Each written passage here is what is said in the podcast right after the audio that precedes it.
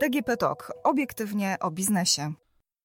Jak traktować rzeczywistość kreowaną przez Instagram czy przez Facebook? Czego brakuje w świecie mediów wirtualnych? Ile może zarobić dzisiaj influencer? Porozmawiamy o przestrzeni internetowej, o zarabianiu w tej przestrzeni. Dzień dobry, Agnieszka Gorczyca, Infor.pl.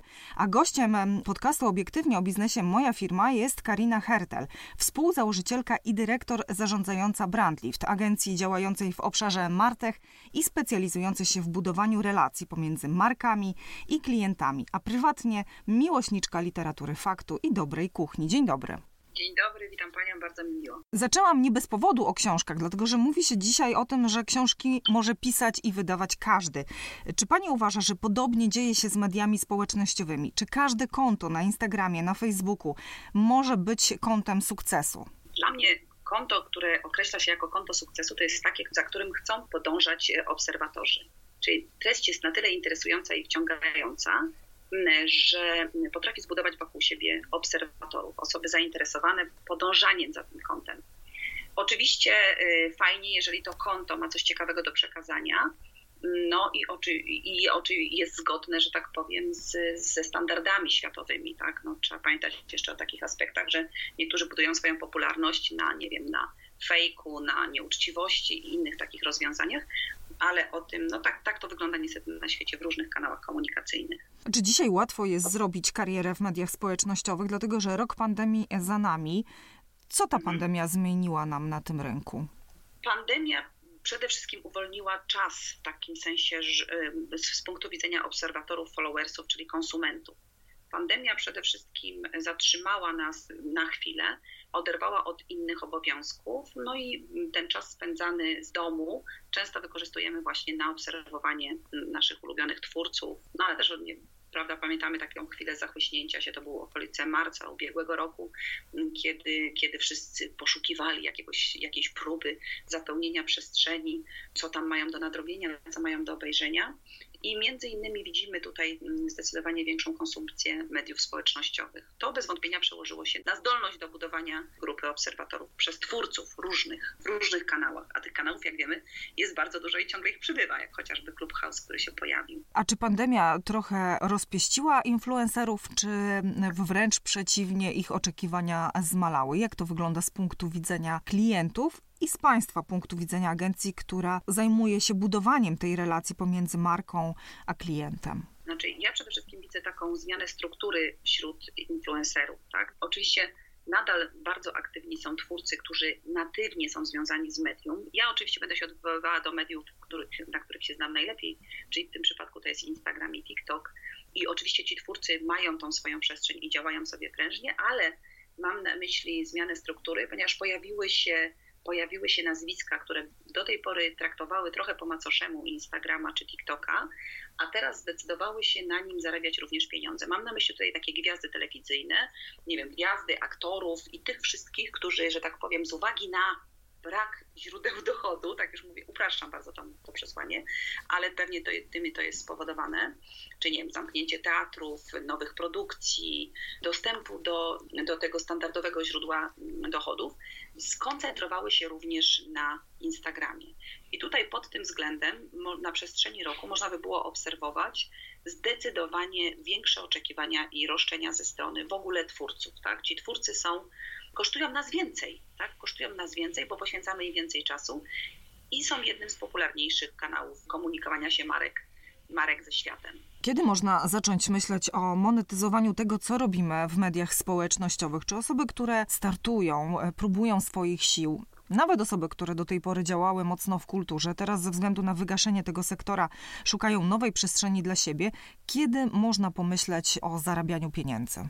Przewrotnie powiem, że, y, że wtedy, kiedy ktoś będzie chciał za to zapłacić, tak? Więc tak na dobrą sprawę nie ma takiego zdefiniowanego momentu, że nie wiem, jeżeli jesteś super influencerem, nie wiem, bardzo ważną osobą i ktoś chce ci zapłacić za przekaz do jednej, dziesięciu osób i jest skłonny wyjąć pieniądze z kieszeni i zapłacić za ten twój przekaz, no to wtedy się zaczyna influencing, tak? Natomiast jeżeli mówimy o naszym podejściu, podejściu martechowym, technologicznym, to ustawiliśmy sobie taki próg bólu na poziomie co najmniej 3-5 tysięcy obserwatorów. No poniżej, tak, tak powiem, poniżej zgromadzenia tej liczby obserwatorów praktycznie nie współpracujemy z twórcami. Absolutnie jest to płynna granica, natomiast no, zależy od tego, czy ktoś chce zapłacić po prostu za swój przekaz. To jest najważniejsze. Ale influencerzy też e, dzielą się na tych, którzy coś sprzedają i ci, którzy nie sprzedają. Czy tutaj ta grupa dla Państwa jest e, istotna, ten podział? Muszę Pani powiedzieć, że 2020 i ta pandemia, do której Pani dzisiaj tutaj odwołuje, zresztą no, wszyscy się do niej odwołujemy, bo jest naszym otoczeniem, spowodowała,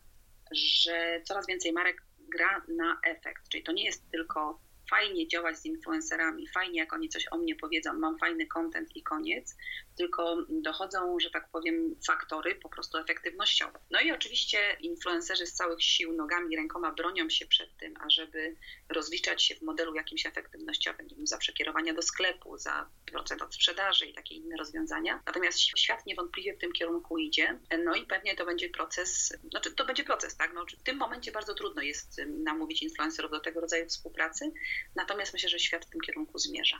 A dlaczego trudno namówić? Dlatego, że bardzo jest utrudnione w ogóle jakby przekazywanie ruchu w tych mediach, zarówno w TikToku, jak i w Instagramie. Znaczy media same w sobie robią wszystko, żeby ukrócić wychodzenie ruchu na zewnątrz, tak? Krótko powiedziawszy, chcą jak najdłużej tego, tego potencjalnego użytkownika trzymać u siebie w swoim środowisku. W związku z tym, że samo medium jakby chroni przed przesyłaniem ruchu na zewnątrz, no influencerzy no, to nie jest łatwe wbrew pozorom przekierować ten ruch. My oczywiście badamy i robimy różnego rodzaju ruchu, ażeby naszym klientom dać takie składowe do, do oferty. Natomiast no, to jesteśmy w procesie. Wszyscy jesteśmy w permanentnym procesie ustawiamy się do nowej rzeczywistości. Jak w tym procesie w takim razie nie zrobić marce krzywdy? No i tutaj poruszyła Pani bardzo ważny temat, ponieważ e, dla tych graczy, którzy absolutnie widzą korzyści, a korzyści są policzalne, przynajmniej w naszym podejściu.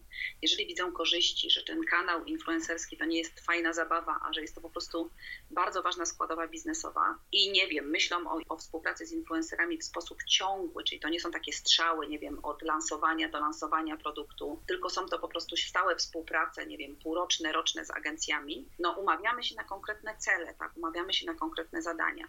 I niestety to jest bardzo nowe, nowe podejście dla marek no, zaawansowanych w, tym, w tej kategorii.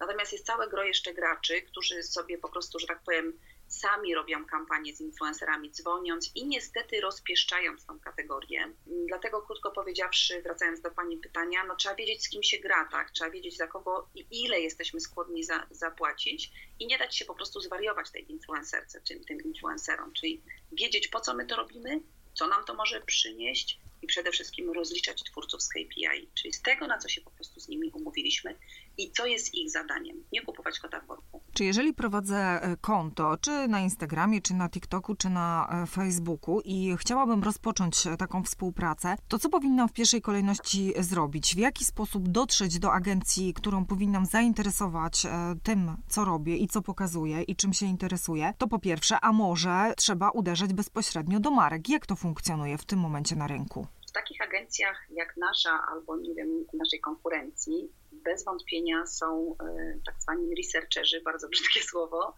czyli osoby, które poszukują talentów. No, my po prostu szukamy talentów, krótko powiedziawszy, przeczesujemy Instagram czy TikTok i jeżeli tylko zauważymy kogoś z potencjałem, to i oczywiście ma to taki próg rentowności zachowany, no to bez wątpienia zapraszamy takich twórców do siebie i ich po prostu rekomendujemy naszym e, reklamodawcom. Natomiast czy osoby bezpośrednio powinny odzywać się do marek? Oczywiście robią to. Nie wiem na ile jest to e, produktywne, to znaczy czy marki mają czas na takie indywidualne podejście, nie wiem, nie jestem po stronie marek. No, akurat nasi klienci zlecają to, to zadanie no, instytucjom, które po prostu z tego żyją, krótko powiedziawszy, znają się na tym, mają zbadanych twórców. Natomiast no, nie ma żadnych przeciwwskazań, żeby influencerzy bezpośrednio kontaktowali się z markami. Jeśli tylko udaje im się to zrobić, to, to gratuluję. Jak Pani ocenia kondycję polskich influencerów? Jak się y, z nimi współpracuje? Czy czegoś im brakuje? Czy czegoś im brakuje? Dosyć często brakuje takiego rozumienia, po co marki to robią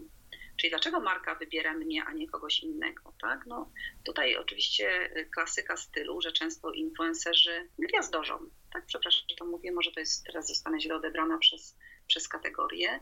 Natomiast ci, którzy rozumieją, że marki potrzebują medium, które w odpowiedni sposób opowie ich produktach, no ci e, wygrywają. Czyli takie porozumienie pomiędzy w relacji klient-influencer. Tego często brakuje niestety. No, brakuje takiego właśnie podejścia, czyli wchodzenia w buty reklamodawcy. Tak? My bardzo cenimy sobie współpracę z twórcami, którzy rozumieją, po co to robią, jeśli w ogóle chcą współpracować z markami, tak? no to wtedy wiedzą, po co to marka robi i po co oni to robią dla marki. Oczywiście mm, jesteśmy też wielkimi zwolennikami, takie, takie powinno być w ogóle podejście na rynku, że jeżeli influencer rzeczywiście lubi ten produkt, no to może o nim swobodnie opowiedzieć.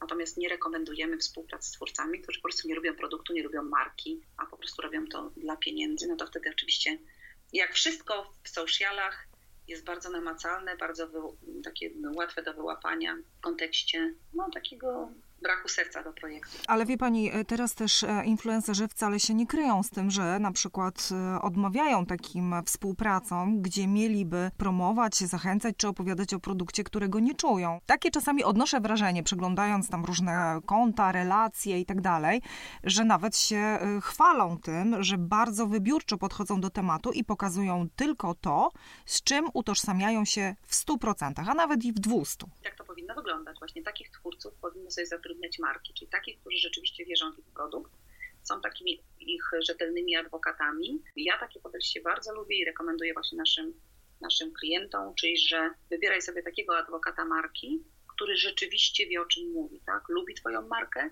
i nawet jak przestaniesz mu płacić, to będzie wiarygodny w tym przekazie, tak? Znaczy w sensie no, nie będzie to inicjowane ze strony marki, a będzie to po prostu, nie wiem, z przekonania influencera. Jestem bardzo taki Tak, to, to się oczywiście zgadza, dlatego że później bardzo często jest tak, że podkreślają e, twórcy, że już nie, nie współpracujemy, ale ten produkt nadal używam, jest bardzo e, ciekawy, interesujący, jest dobry, więc nadal wam go polecam. Ale zastanawiam się jeszcze nad tą kwestią, czy na taki komfort tak naprawdę mogą pozwolić sobie tylko i wyłącznie ci twórcy, których na to stać. To znaczy, którzy już w pewien sposób mają e, finanse i mogą tak naprawdę w tych ofertach wybierać, bo z drugiej strony mamy no, las twórców, którzy na takie propozycje czekają. I czy to będą, strzelam teraz, buty, kurtka, książka, czy rower, czy jakieś suplementy, oni biorą po prostu wszystko. Jest cały gro takich, że tak powiem, słupów ogłoszeniowych, muszę tak to nazwać. No, oczywiście e, oni są relatywnie tani. Jeśli marka uważa, że, że to jest dobry kierunek, no ja nigdy marek nie zatrzymamy, natomiast my swoim klientom tego nie rekomendujemy. W ogóle fajnie jest, jak influencer ma swoje naturalne, życiowe zainteresowania, a Instagram czy TikTok jest ich jakby no, takim naturalnym przedłużeniem, tak? czyli taką emanacją rzeczywiście tego, co robią w życiu prywatnym. No trudno jest w swoim życiu prywatnym być takim multikultim, znać się na wszystkim, prawda, być ekspertem od wszystkiego. Jak się jest ekspertem od wszystkiego, to zazwyczaj się jest ekspertem od niczego. Więc y, rzeczywiście no, trzeba wybrać tych, którzy rzetelnie potrafią o naszym produkcie opowiedzieć. No i rzeczywiście unikać tych takich zakamarów, takich typowych influencerów, co to tam prawda, raz produkt A, raz B, a czasami nawet konkurencyjne ze sobą. Ale to muszę Pani powiedzieć, dotyczy również dużych, wielkich nazwisk. Nie wiem, czy Pani widziała Switch pana Borysa Szyca, który raz reklamuje, prawda, hamburgery znanej marki, a za chwilę przechodzi na wegańskie mleko też znanej marki. A tak, tak, tak. To nawet, nawet powiem pani, że, że jadąc widziałam billboardy. Występuje chyba obok Darii e, Ładochy, z tego co kojarzę na tych billboardach. Darii Ładochy, prawda, tak. jest to. No i też z drugiej strony, wie pani, no tu widzimy ten case, który się odbija czkawką, czyli że twórcy, nawet duzi, duże nazwiska, no niestety są odcięte od kasy, tak, więc szukają różnego rodzaju alternatyw i zarabiania pieniędzy. No i nie ma się co ludziom dziwić, tak, no takie czasy też z drugiej strony. Natomiast z punktu widzenia marki, która wykorzystuje wizerunek takiego, takiego twórcy, no zastanawiające, tak? No ja bym, ja bym tutaj, że tak powiem, nie, tak nie doradzała nigdy. No. Pani Karino, to na koniec jeszcze e, pytanie, które myślę, że każdy, odpowiedź każdy chce usłyszeć. Chodzi o pieniądze. Ile to tak. kosztuje? Ile można zarobić? Mówi Pani o, ze strony twórcy czy ze strony reklamodawcy? Bo ze strony reklamodawcy to jedna złotówka, a dokładnie jeden dolar wydany na influencer marketing przynosi 7 dolarów. Więc to jest dosyć łatwo policzalne, tutaj już ktoś się o to pokusił. Jeżeli chodzi o influencerów, no to zdrowy rozsądek, tak? My to oczywiście wszystko przeliczamy na zasięgi, na poziomy interakcji, na poziomy rzetelnego influensu. Czyli krótko powiedziawszy, walidujemy każdego twórcę tak? I wtedy wiemy, ile w imieniu reklamodawcy wydać pieniędzy, żeby on miał za, te, za ten dostępny budżet jak najwięcej. Taka jest misja agencji i my na tym wygrywamy versus jakieś tam działania, też piękne słowo, in-house'owe klienta. Mhm. A czy możemy zbliżyć się trochę do konkretów i powiedzieć, że jeżeli konto, które ma przykładowo 10 tysięcy obserwujących, fanów i tak dalej, to jakiego rzędu to są pieniądze, które mogę otrzymać za taką tak. współpracę? Bardziej wertykalne konto, czyli trzymające się jednego tematu,